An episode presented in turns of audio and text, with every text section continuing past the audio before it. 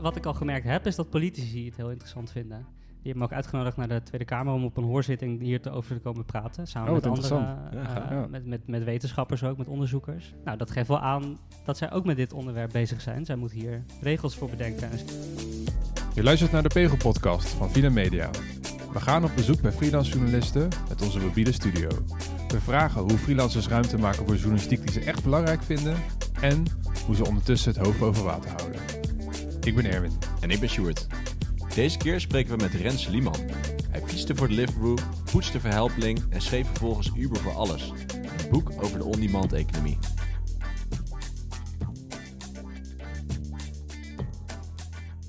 Rens, eh, waar zitten we nu? We zitten eh, op het westeinde in Amsterdam, tegenover het Nederlandse bankgebouw. En we zitten eh, eh, bij de coöperatie. Dat is een eh freelancerscollectief van freelance journalisten. En die delen nu hier een werkplek. En lief en leed. Lief en leed, ja. Ik zag al een hoop eh, lege bierflesjes boven. ja, ja, nou dat, dat moet hè, als je journalist bent. Nee, het is heel gezellig. Dus het zijn allemaal freelance journalisten die hier eh, samen werkplek huren, maar ook lid zijn van die coöperatie. En dat gaat uiteindelijk over veel meer. Dus die, die, dat moet je ook in staat stellen om nou, opdrachten natuurlijk met elkaar te delen en om, om, om na te denken over wat er allemaal beter kan als freelance journalist. Ja. Ja. Daar, eh, Is dit ook de Ja. plek waar jij jouw boek hebt geschreven? ja, voor een heel groot deel. eh, ja, nou ja, zeker. Ja, Ja, want- want jouw boek eh, Uber voor Alles is net, eh, net uitgekomen. ja Gefeliciteerd. dankjewel. Eh, kun, je, kun je vertellen waar het, waar het over gaat? Ja, over Uber en de on-demand economie noem ik dat dan maar. Ja, dus want dat is veel dan- breder dan Uber, toch? Ja, dat gaat dan ook over Deliveroo en Helpling. eh, van die platforms, gemaakt door grote technologiebedrijven. Die vraag en aanbod aan elkaar koppelen. En in het geval van Uber dus taxichauffeurs aan passagiers koppelen. Ehm, en dat is, blijkt veel interessanter dan je zou denken. Nou, jij, jij hebt ook zelf gewerkt voor Uber en voor andere van dat soort bedrijven om een idee te krijgen hoe dat dan... ja, als onderzoek voor het boek inderdaad. Ja, ja. Wa- Was het alleen onderzoek of heb je er ook eh, een deel van je boek mee gefinancierd? Nee, Nee?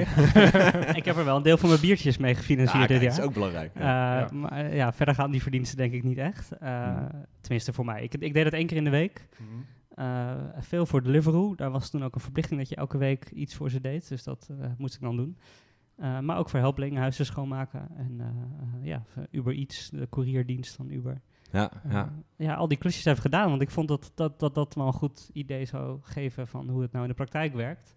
Eh, anders dan alleen maar aan de zijlijn mensen interviewen. Wat natuurlijk ook heel goed is. Maar eh, Ja. dit leek me extra leuk. En vooral ook extra nuttig om daar meer van te leren. Ja, precies. Je kon jezelf helemaal onderdompelen in de wereld van de on-demand. Ja, en je leerde heel veel mensen kennen en je zit dan in die appgroepen waar, waar andere chauffeurs en couriers met elkaar eh, het hebben over dit werk. Wat ik Ja. ook wel erg interessant vond. Kijk, Ja. dus dan leer je ook makkelijk mensen kennen die Ja. eh, met een poot in de modder staan. Ja, precies. En ik kon wat, waar, waarom ik het eigenlijk gedaan had, is omdat ik, wilde, omdat ik dat allemaal wilde combineren. Dus ik wilde de verhalen horen van mensen die daar werken, Mhm. eh, maar ook verhalen van de bedrijven horen. Ik heb onderzoeken gelezen en toen dacht ik, als ik dat nou allemaal bij elkaar breng en toets aan hoe het echt gaat, dan krijg je volgens mij een heel goed idee van die hele nieuwe wereld, nieuwe economie in ieder geval. Ja, Ja. mooi. Want jij, jij hebt denk ik iets gedaan wat, wat veel journalisten eh, willen. In ieder geval schrijvend journalisten. Namelijk een lange tijd besteden aan een journalistiek onderzoek en daar een, een boek over schrijven. Ja. Eh, we willen het vooral hebben over ja, eigenlijk de, de, de praktische kant daarvan. Van hoe, hoe krijg je dat voor elkaar? Dus kun je, kun je ons meenemen naar de Rens die een idee had voor een boek? Ja. En hoe dat, eh, hoe dat verder is gegaan? Ja, nou het grappige is, ik had, ik had natuurlijk ook echt geen idee eh, hoe dat zou werken. Of het uit zou komen financieel, eh, dat wist ik allemaal niet. Ik had gewoon heel erg de behoefte om helemaal in dit onderwerp te duiken. En ik, ik vond en ik voelde dat dit onderwerp, dat ik dat niet in een artikel van 1500 woorden re- recht aan kon doen. Ja, en ik, was, ik wo- woonde in New York toen. Ik ben na twee jaar weer terug verhuisd naar Amsterdam. En toen dacht ik, ik wil niet hetzelfde doen als wat ik deed voordat ik naar New York verhuisde. Dat voelde een beetje raar. Ja, want wat deed je dan daarvoor? nieuws. Sorry? Wat, wat deed je daarvoor? Eh, ik werkte bij eh, Esquire als Mhm. redacteur in dienst. Eh, toen ik naar New York ging, werd ik freelancer. Eh, en toen ik terugkwam, dacht ik, ik wil iets groters, iets, iets betekenisvollers doen. En ik kwam op dit onderwerp en ik dacht, dit leent zich goed voor een boek. Toen heb ik eh, gedacht, hoe zou dat werken? Ja, want jouw, jouw boek is eh, mede gefinancierd door het Fonds voor Bijzondere Journalistieke Projecten. Ja. Toch? Of, of zeg ik het nou fout? Nee, volgens mij zeg ja, het ja, goed. Fonds Ja. voor Dat is het, Bijzondere ja. Journalistieke Projecten. Ehm, is, is dat het eerste wat je toen deed? Heb je toen nee, helemaal niet. Dat, Nee, dat, nee. dat fonds kwam eigenlijk pas veel later. alles, kwam, alles wat met geld te maken had, kwam veel later. Ja. Ehm, ik dacht gewoon, zou het me überhaupt lukken om een boek te gaan schrijven? Oké. Eh, laat ik daar eens mee beginnen. Ja. dus ik, eh, ik dacht, nou, voor mij moet je dan een, een boekvoorstel maken. Eh, dat heb ik gemaakt, met, met hulp ook van een meer ervaren schrijver. Ik heb ge- gezegd, "Rob, moet dit ongeveer in een voorstel staan? Ja. Ja. Was dat een voorstel voor, een, voor een uitgever? Of voor wie was dat voorstel? Voorstel voor een uitgever, Oh ja, ja. ja. Zeiden, ja, je hebt dat voorstel wel oké geschreven, maar je planning klopt geen hout van. dat ga je nooit halen. Nee. Hm. Eh, toen heb ik daar een maandje bovenop gegooid op die planning, eh, maar uiteindelijk toch ingeleverd. eh, met het idee van, nou, gewoon maar even kijken eh, wie er reageert. En dat zal wel niet lukken. Dat dacht ik oprecht. Ik dacht oprecht, het zal wel niet meteen lukken. ja. Eh, maar één uitgeverij, eh, Business Contact van Atlas Contact, was meteen heel erg enthousiast. Toen zijn we gaan praten. En pas veel later kwam, goh, ga ik er wel genoeg mee verdienen? Eh, hoe, hoe lang heb ik ervoor nodig? Dat kwam allemaal daarna eigenlijk. Ja, maar wat mooi. En, en hoe, hoe dat, dat plan wat je hebt geschreven, hoe erg paste dat bij de realiteit, nu je helemaal klaar bent? Eh, nou, de, inhoudelijk was het, ben ik er daar niet heel ver van afgeweken. Dus Mhm. daar bleef ik best wel in de buurt. De planning eh, was veel te ehm, optimistisch. Ja, hoeveel maanden had je, had je bedacht? Nou, ik had eerst bedacht eh, september af. Eh, toen zei dus die, die vriend die mij hielp, nou, dat, dat ga je nooit redden. Of dat wordt in ieder geval nachtwerk. Eh, eh, toen dacht ik, nou oké, dan zet ik oktober in dat plan. En die uitgever en ik vonden eigenlijk alle twee dat het boek er wel snel moest komen. Omdat we hadden het idee toen dat het onderwerp nu heel erg zou leven. ja, Dat is ook wel uitgekomen, dus daar ben dat ik wel klopt. blij mee. Ja, ja. Uiteindelijk was het nog erg ambitieus, maar is het uiteindelijk wel gelukt. Het heeft me gewoon veel stress gekost Ja. en nachtjes hier. Eh, ik heb hier Ja. vaak s'avonds laat eh, in het donker de deur uh, dicht gedaan op deze plek. Oh ja, ja. Ja, Want hoeveel maanden heb je uiteindelijk aan het boek gewerkt in totaal? Tien, tien maanden. Mhm. Dus dat Ja. is volgens mij best kort voor een boek. Vind ik wel, Maar ja. dat waren Voor, wat ook- zijn het, 250 pagina's? Ja, het waren Ja. dan ook tien hele intense maanden. ja, dat kan ik me voorstellen. Want hoe, hoe zag je leven er toen uit, toen je met het boek bezig was? Het leven begon eh, dat ik dacht, nou, ik ga mijn tijd gewoon in tweeën delen. Half boek, half eh, betalende klussen, journalistieke klussen. Dat heb ik ook een tijdje gedaan, totdat ik merkte, ja, dat boek gaat gewoon nooit op tijd afkomen zo. Ehm, toen ben ik volle bak voor het boek gegaan. Dus, dus zeg dat, dat ik vijf maanden, dat eerste, de eerste planning heb aangehouden en de, en de vijf maanden daarna ben ik vol op het boek gaan, gegaan. Ja, En dat kon niet echt financieel. Ik heb eh, een beetje moeten lenen hier en daar. Mijn vriendin heeft een paar maanden de huur betaald. ah, kijk. Ja. Uh, dus dat, ja, dat klopte gewoon niet helemaal, maar ja, het is gelukt. En ik denk dat, ja, dat, daar vind je altijd wel een weg in. Ja, Ja. ja. Ehm, ja, ik denk dat inderdaad de grootste uitdaging voor journalisten is toch de, de tijd vrijmaken om, ja, om zo'n zo'n productie te maken. nou moet ik ook wel dus zeggen, gelukt. ik ben niet helemaal in die subsidiewereld gedoken. Ik ben ervan overtuigd dat je meer subsidies zou kunnen regelen als wat ik heb gedaan. Mhm.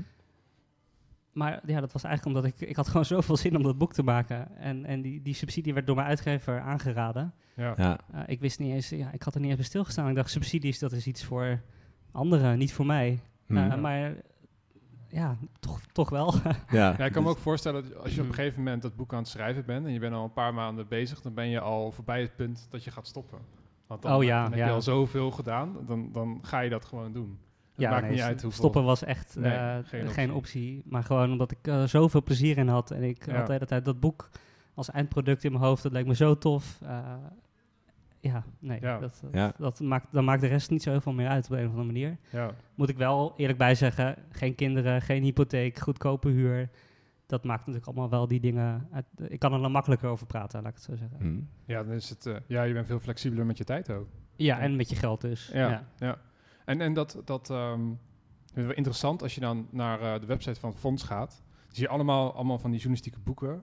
Eh, gewoon met hele, hele mooie dingen worden daar geschreven. Vond je mij er niet tussen passen? Wat? Vond je mijn boek daar niet tussen passen? Absoluut. Nou, ja, mooie dingen. ik, nee, ik vond juist jouw boek heel goed tussen passen. Dank je. Het is van dat, het boek wat het meest tussen paste van allemaal. Ja, maar even, ehm, als jij nou eh, advies zou kunnen geven aan, aan iemand die wil dat ook. En die wil ook zo'n financiële bijdrage om het wat makkelijker te maken om het boek eh, te kunnen schrijven. Mhm. Wat zou je dan, wat is jouw ervaring daarmee? Wat zou je dan Nou, aanraden? ik zou iets meer om me heen kijken als dat ik gedaan heb eigenlijk. Eh, maar dat Fonds voor Bijzondere Journalistieke Projectje eh, was een heel fijn fonds en een goed fonds. Hm. En die hebben me heel erg geholpen. Dus ik zeg niet dat je niet bij hen moet gaan hoor, maar meer van kijk, kijk even wat verder om je heen. Ja, Uh, Oké. En ga niet denken dat jij die subsidie niet waard bent of zo. Wat ik dus heel erg in mijn hoofd had. Ik dacht, ja god, ik ben gewoon maar een journalist die een boek gaat schrijven. Waarom is dat een bijzonder journalistiek pro- project? Ja. Nou, dat is het misschien wel. Ja, daar moest ik even aan wennen aan dat idee. Dus ik zou zeggen, wen daar Ja. snel aan eh, en Ja. probeer het gewoon. Ja, Ja. gra- Grappig dat je er dan zo diep in zit dat je zelf niet meer ziet hoe vet het is wat je aan het doen Nee, nee, nee. Dus, dus dat zeg ik niet als een buitenstaander natuurlijk. Ja, Ja. nee, maar ik dacht gewoon, ik doe gewoon mijn werk als journalist. Ja, precies. Ja. Ehm, en daar wil ik ook ook niet overdreven nederig mee klinken, maar dat is het wel gewoon. Mhm. Maar eh, ik heb ook gemerkt dat je niet zoveel verdient aan zo'n boek. In ieder geval niet aan, dat, dat, aan de, de standaard eh, voorschotten en royalties die je dan krijgt. Ja. Dus het is ook wel, dat fonds is natuurlijk met een reden. En nou, dat... dat eh, ja. En wa- was het lastig om dat fonds aan te vragen? Moet je daar veel voor Nee. doen? Nou, ik had een vrij uitgebreid boekvoorstel naar die uitgever al gestuurd. Eh, en ik merkte dat waar het fonds behoefte aan had, het zat ook al in het boekvoorstel. Dus het enige wat ik nog gedaan heb, is een begroting erbij geschreven. Van waarom heb ik geld nodig wat ik vraag. Mhm. Eh, Moet dat- de boodschappen doen, eh, de huur betalen. Ja. nou ja, ze, ze, ze zeggen er ook bij, eh, vergeet je eigen salaris daarin niet. ja. Maar ja, dan ga ik kijken naar reiskosten. Ik wil naar San Francisco en Berlijn, dat een beetje uitgerekend. Ehm, waarmee ik niet wil zeggen, dat voorstel, daar heb ik al heel veel tijd aan besteed hoor. Alleen uit- om uiteindelijk die subsidie te vragen, dat had dus niet zo heel veel extra tijd nodig. Ja, ja, precies. En je zei net van, ja, het boek levert niet heel veel op. En dan heb je het, neem ik aan, over de, de royalties. Ja. Eh, maar het kan daarnaast natuurlijk ook wel andere dingen opleveren. Want Ja. eh, wat denk je dat het boek nu gaat doen voor jou? Ik merk dat ik nu eh, een beetje gevraagd word voor lezingen over dit onderwerp. Mhm. En dat levert aanzienlijk veel meer op. En dat, dat waren lezingen die ik natuurlijk niet zou doen als ik dat boek niet heb geschreven, denk ik. In ieder geval niet zo snel. Ja, Ehm, het grappige is dan weer, dat, dat komt dan niet door het boek, maar door de media-aandacht om het boek heen. Ja, Dus door de voorpublicaties en interviews die ik over dat boek heb eh, gegeven en geschreven. Maar ik denk dat daar dan uiteindelijk zit iets, iets van het geld in wat je al die maanden gemist hebt. ja, ja, ja, Ja, precies. precies. Ja. Ja. Ja.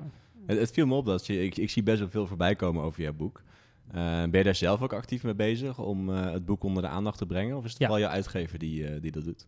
Ook, maar ik heb, ben, ik heb iedereen helemaal de moeder gespamd eh, over, over dit boek. ik hoop dat mijn vrienden dat, eh, dat oké vinden. Want ik, heb, ik heb hier nachten voor doorgehaald. Ja, ja, precies. Nou ja, ik was, ge- ik was gewoon wel. Ja, het leuke precies. was ook dat onderwerp Uber, Deliveroo, dat, dat was ook heel erg in beweging het hele jaar. Ja, Dus ik had ook wel altijd iets om over te twitteren. Mhm. Eh, ik heb eigenlijk twee dingen gedaan. Ik heb heel erg het nieuws ook op mijn eigen Twitter-kanaal eh, gebracht. Eh, en, en, en ook elke stap van dat boek een beetje. ja, Ehm, dus ook af en toe een foto bij de drukker ben ik dan geweest. Of eh, Ja. als het in de media ergens verscheen, dan deelde ik dat. Dus Ja. die twee dingen eh, heb ik heel erg gedaan de afgelopen jaar. En dat merk je gewoon dat dat wel zin heeft.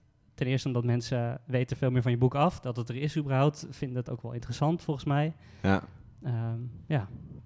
En uiteindelijk zou het misschien iets aan de verkoop doen. Mhm. Ik weet het echt oprecht niet. Maar eh, Ja, ik doe gewoon mijn... Ik doe, ik doe wat ik kan. En Ja. eh, de, de uitgever heeft een, eh, een dame, Femke, die de promotie verzorgt. Eh, en wij hebben heel erg samen gewerkt om dat zoveel mogelijk eh, bij journalisten ook terecht te krijgen. Ja. Het is eigenlijk wel grappig dat, dat, dat natuurlijk voor jou, eh, als je het boek af hebt, dan is het boek echt een soort eindproduct wat je dan, dan levert. Maar het bestaat wel in een soort spectrum van andere dingen die je dan, die je dan doet. Ja. Ja. dat wist ik ook niet van tevoren. Maar Nee. nee, dat, boek is, dat het boek voelt nog helemaal niet klaar of zo. Nee. Nee, ja, dat staat ook aan het eind van het boek. Dat, Ja. dat het een soort van, ja, dit is waar ik tot nu toe ben en ik wil nog heel graag door met dat onderwerp. Ja, nou ja, dat komt omdat het onderwerp inderdaad ook gewoon nog niet af is. Dat, daar gaan we de komende jaren nog heel veel over horen. Ehm, en dat is nu een beetje mijn onderwerp geworden, dus ik schrijf er ook krantartikels over. Dus het voelt inderdaad nog helemaal niet als klaar, maar het boek ligt er, dus het boek is voor nu even klaar. ja. Ehm, maar nu wil ik dat zoveel mogelijk mensen gaan lezen en eh, ik wil er graag zoveel mogelijk over praten, want ik merk dat mensen dat onderwerp wel ja. interessant vinden. Want je, je bent schrijvend journalist, maar dit boek zorgt er dus voor dat je eh, lezingen geeft nu. En dus ook mondeling jouw verhaal gaat vertellen. Ja, Is dat leuk? ja, dat is leuk, maar al die interviews die ik heb gegeven was wel even wennen. Ja? Ja, want ik stel de vragen niet. Ik krijg nu vragen die ik niet zelf van tevoren bedacht heb. Dan zit je ineens aan de andere kant van de tafel. eh. ja, en eh, radio-interviews, dat had ik allemaal nog nooit gedaan. Een podcast zoals deze had ik nog nooit gedaan. Ja. Eh, dus het, ja, het, het is voor mij ook allemaal nieuw. Maar eh, het helpt dat ik een beetje kan eh, voorspellen welke vragen er komen Ja, dat is waar. Ja. van journalisten. Ehm, ja, dat is allemaal nieuw. Ja. Was het een harde leerschool? Nee, het was geen harde leerschool. Ik heb keihard moeten werken. Ja. Maar er Ja. zijn wel meer mensen die op hun werk eh, aan een project heel veel werken en lang doorhalen. Dat heb ik nu ook gedaan. Ja, want uitgevers zijn het ook wel gewend dat schrijvers... Dat zeiden ze ook tegen mij. Ja, ja. Misschien bouwen ze zelf een soort marge in. Van, Ja, eh, het grappige was, stond in mijn contract uh, wat ik van ze kreeg, totdat het in september af moet. En toen heb ik nog even opgebeld. Toen zei ik, hé hey Sandra, we hadden toch oktober afgesproken? Uh, moeten we dat niet veranderen? Toen zei ze, joh, um, als ik elke schrijver aan zijn contract, uh, aan, aan, de deadline moet houden die in het contract staat, dan kan ik geen boek meer uitgeven. Maak je geen zorgen. Nou, dus dat hoort erbij gelukkig. Ja, ja. Dat, dat, hoort er blijkbaar bij. En uh, ja, het was ook heel fijn samenwerken met ze. Dus dat, uh, ja. ja. En ben nou, uh, want je bent nu klaar, je hebt, een, je hebt een boek af. En hiervoor had je een ander, een ander freelance leven, om het Ja. maar even zo te zeggen. Want toen deed je vooral losse artikelen over lifestyle en eigenlijk allerlei verschillende soorten onderwerpen. Um, want nu geef je bijvoorbeeld lezingen over, over je boek. Het moet nog beginnen allemaal, maar dus de, de je boekingen gaat, zijn... ja, ja, ja, de boekingen zijn gemaakt. Hoe, hoe ga je het nu verder inrichten? Ik heb geen flauw idee. wat ik uh, hiervoor heel veel deed, was profielen schrijven. Uh, echt een aantal dagen met iemand op pad gaan en daar dan een mooi verhaal van maken. Dat is iets wat ik heel erg leuk vind en dat wil ik ook altijd blijven doen. Ik merk nu dat ik een boek schrijven ook fantastisch leuk vind, dus dat gaat er vast ook nog meer van komen. Maar het is nog een beetje, een beetje zien waar we op eindigen. Dus je gaat vooral je eigen interesse achterna eigenlijk. Het is niet dat je een, ja, een maar soort plan echt, hebt waarvan je denkt van... nou, met dit plan kan ik het financieel allemaal rondbreien... en dit komt goed uit en dit werkt wel en dit werkt niet. Eigenlijk ben je gewoon gaan doen wat je leuk vond. Ja, maar dat is precies, En- dat zeg je goed. eh, ja, dat zeg je goed. Want met dat Hm. boek ook, nu zeggen mensen tegen me, oh ja, dat is heel verstandig, een boek schrijven, want dan word je een autoriteit op dat gebied. En ik dacht, ja, daar heb ik echt niet bij stilgestaan. Ik vond Nee. het gewoon een in- interessant onderwerp en schrijf, schrijftechnisch leek het me heel erg tof om dat eens te proberen. Ja, Maar zo ben ik eigenlijk een beetje, eh, fladder ik een beetje door het freelance leven. ja. Eh, Ja. Want eh, dat in New York, dat was ook allemaal maar een beetje uitvogelen en kijken waar dat zich zou, eh, naartoe zou bewegen. ja, want wat heb je precies in New York gedaan? Ja, daar was ik freelance journalist en dat zou je bijna een soort correspondentschap kunnen noemen, maar dan niet voor het harde nieuws, meer voor de alle randzaken. Ja, ja. Ehm, en daar schreef ik over heel diverse onderwerpen. Soms was het een reportage met eh, Alexander Klupping, omdat hij dan net in New York was en ik zat daar, dus ik dacht dat is interessant. Ja. Eh, over de Amerikaanse verkiezingen heb ik wel eens wat geschreven, maar ik was dan ook niet de vaste correspondent natuurlijk. Elke krant heeft zijn correspondent daar. ja. Dus het- ja, het- soms waren het ook gewoon verhalen die ik net zo goed in Nederland kon schrijven. Mhm. Maar ja, dat zat dan in mijn netwerk, dus dat kwam dan mijn pad op. Ja, Ja. precies. Je, je bent in eh, dienst geweest bij eh, Esquire, klopt Ja, dat? ja. Ehm, en toen ben je gaan freelancen. Ben je eh, nog steeds blij met die keuze? Heel blij. Ja. Ja. Dus is het Ja. leuker om te freelancen dan om in vaste dienst te zijn? Nu, voor mij nu wel, ja. ja. Eh, maar toen ik in vaste dienst was bij Esquire, dat vond ik ook heel gaaf. En dat, het leuke van Esquire was dat je echt de ruimte kreeg om die uitgebreide profielen reportages te schrijven. Ja. Dat, wa- dat waren dan echt de dragende verhalen, dus daar kon ik ook heel lang voor uittrekken. En daar ben ik ook een beetje opgeleid als schrijver. ja. Eh, nu als freelancer kan ik heel erg, wat jij net zei, mijn eigen interesses achterna. Nou, dat is toch, dat mooie kan toch niet? Nee, ja, nee, ja, precies. nee, Ja. precies. Ja. Ja. En ik hoef niet meer binnen dat Esquire-wereldje te blijven. Dat, scheelt, dat, dat maakt dat ik nu freelance heel erg leuk vind. Want wat, wat is het Esquire-wereldje? Wat, wat bedoel je daarmee? Ja, daar bedoel ik mee dat, dat 90 van de 100 onderwerpen daar buiten vallen. Oh ja, ja, ja. Ja, het moest, moest aansprekend zijn voor de Esquire-doelgroep. Een beetje een welvarendere mannen, mannelijke doelgroep. Ja. Eh, en iets nieuwsigs kon natuurlijk nooit, want dat had een aanlooptijd van, van twee maanden, zo'n blad. Ehm, ja, dat Ja, want je, je had het al eerder, eerder en eh, ik las ook een stukje van jou online eh, over dat je, dat je het werk bij Esquire heel leuk vond, maar dat je niet het gevoel had dat je iets deed wat heel, heel belangrijk was. Ja. of zo. Kan, kan je daar iets over vertellen? O- ook na Esquire hoor, trouwens. Ja. Ja, ik merkte gewoon, ik vond de verhalen die ik schreef heel leuk zelf. En ik, ik merkte dat ik met heel veel interessante mensen in aanraking kwam. Eh, dat zal elke journalist wel hebben. Maar het, waren, het, was vaak in het, het was vaak leuk om te lezen, niet per se nodig om te lezen. Het, er werden geen kamervragen over gesteld over wat ik schreef. En dat hoeft misschien ook niet. Maar op een gegeven moment bekroop me wel het gevoel van ja, ik ben nu vijf jaar dit soort verhalen aan het maken. Reportages waarvan je denkt, nou, dat was misschien leuk om te lezen, maar Mhm. niet die van wezenlijk belang voor onze samenleving zijn. En als je dat een tijd lang doet, eh, ja, bij mij bekoopt een beetje het gevoel, ik zou wel eens iets eh, willen schrijven waar, eh, waar we meer over nadenken, waar we meer van, wat, wat meer impact heeft op ons leven. ja.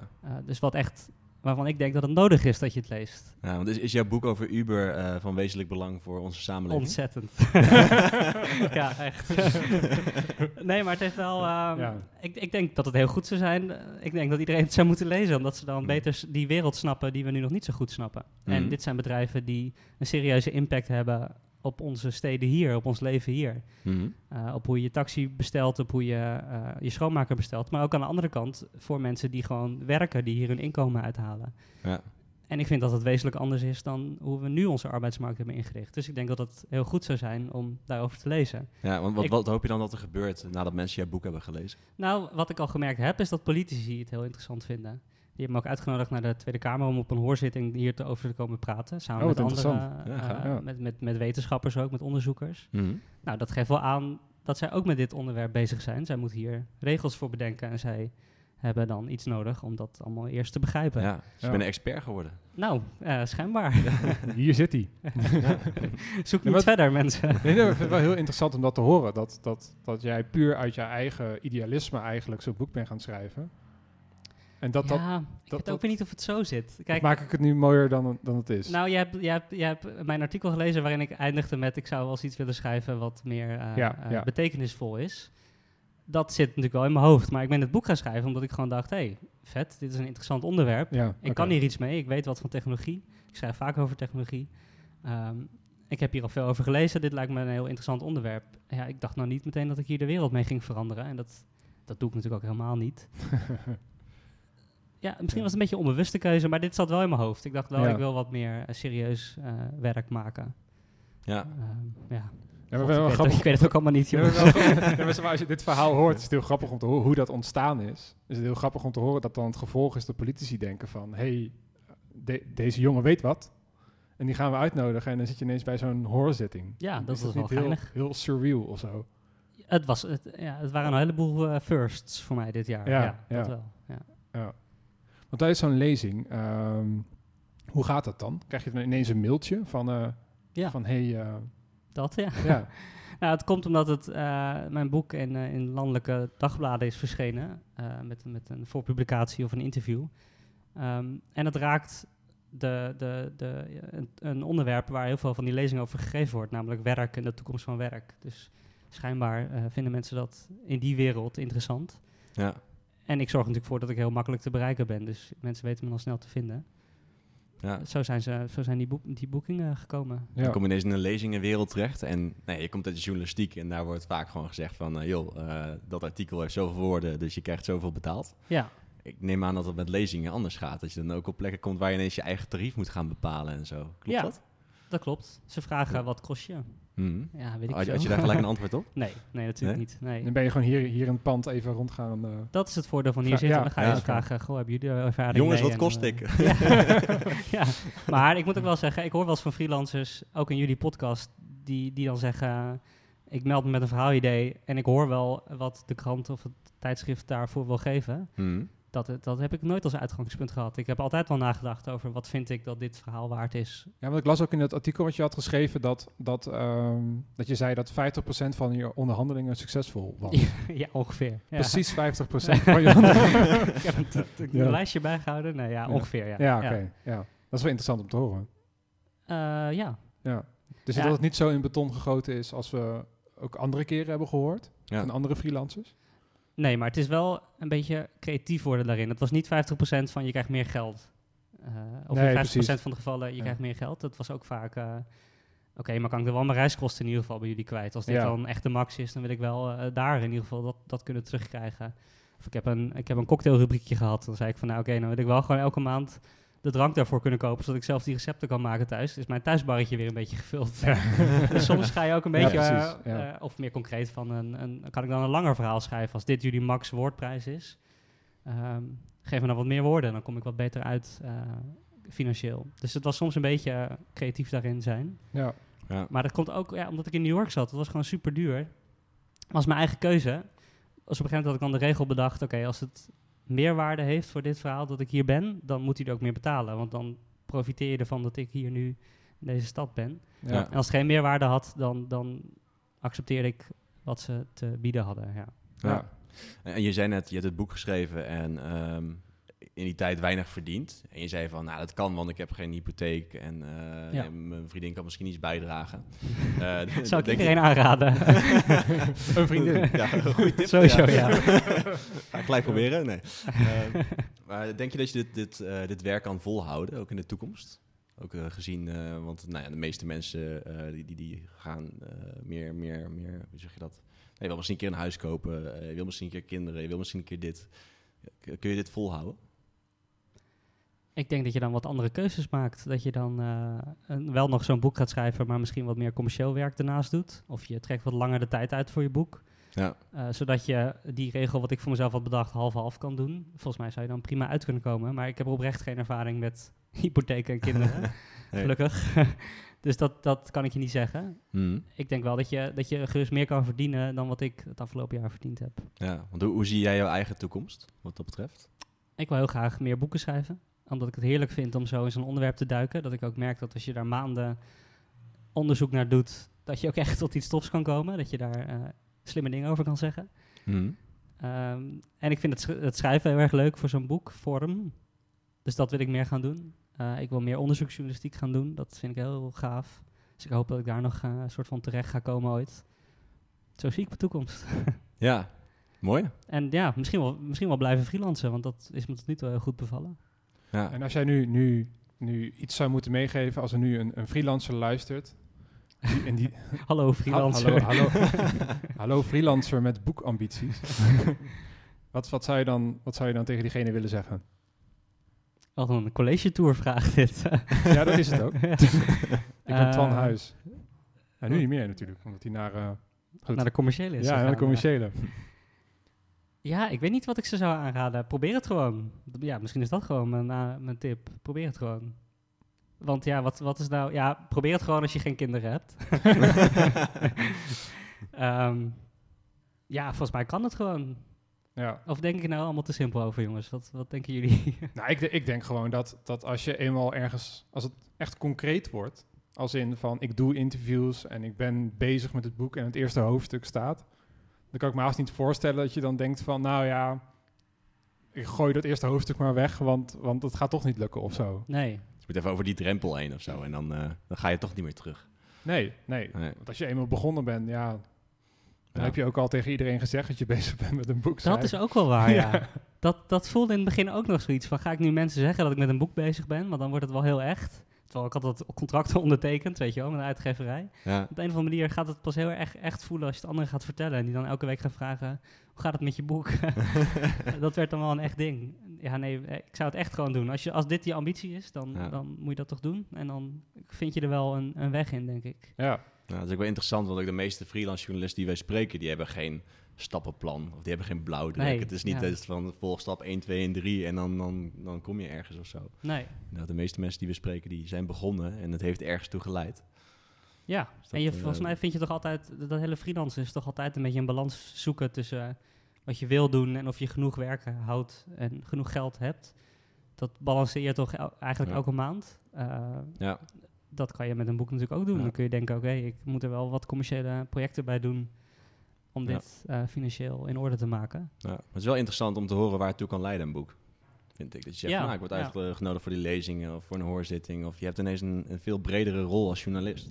Ja, en ik denk dat sommige journalisten dat al van zichzelf hebben hoor. Als je on- eh, onderzoeksjournalist bij de Volkskrant bent, dan zul je misschien daar meer gewend mee zijn dan ik. Ja, Dus die hoef je gerust geen boek voor te schrijven. Het, is natuurlijk wel, het helpt natuurlijk wel als je ergens in een onderwerp helemaal hebt vastgebeten. Hm. Dan word je daar vanzelf de expert in. Ja. Ehm, En wat ik ook, ook, wel, wel mooi vond, is dat, dat, dat jij heel nadrukkelijk zegt van ik ben heel makkelijk te bereiken. Want als, als, jij, als ik nu google naar Uber of zo, eh, Uber-journalist of weet ik veel wat, dan, dan kom jij naar boven en dan Ja. kan ik je gewoon hup bellen. is dat zo? Dat, dat, dat is zo. Vet. dat lijkt me een, mooie, mooie, een mooi moment om af te ronden. ja, Oké. Nou, wij praten nog even verder en doen we. Rens, eh dankjewel dat we langs mochten komen. Ja, jullie bedankt eh, jongens. Leuke Dag. podcast. Echt. dag luisteraar. Je luisterde naar de Pegel Podcast. Deze podcast wordt mogelijk gemaakt door het Lira Auteursfonds Reprorecht. Ben of ken jij een freelance journalist met een goed verhaal? Stuur een mailtje naar pegel.vilamedia.nl Bedankt voor het luisteren en tot de volgende aflevering.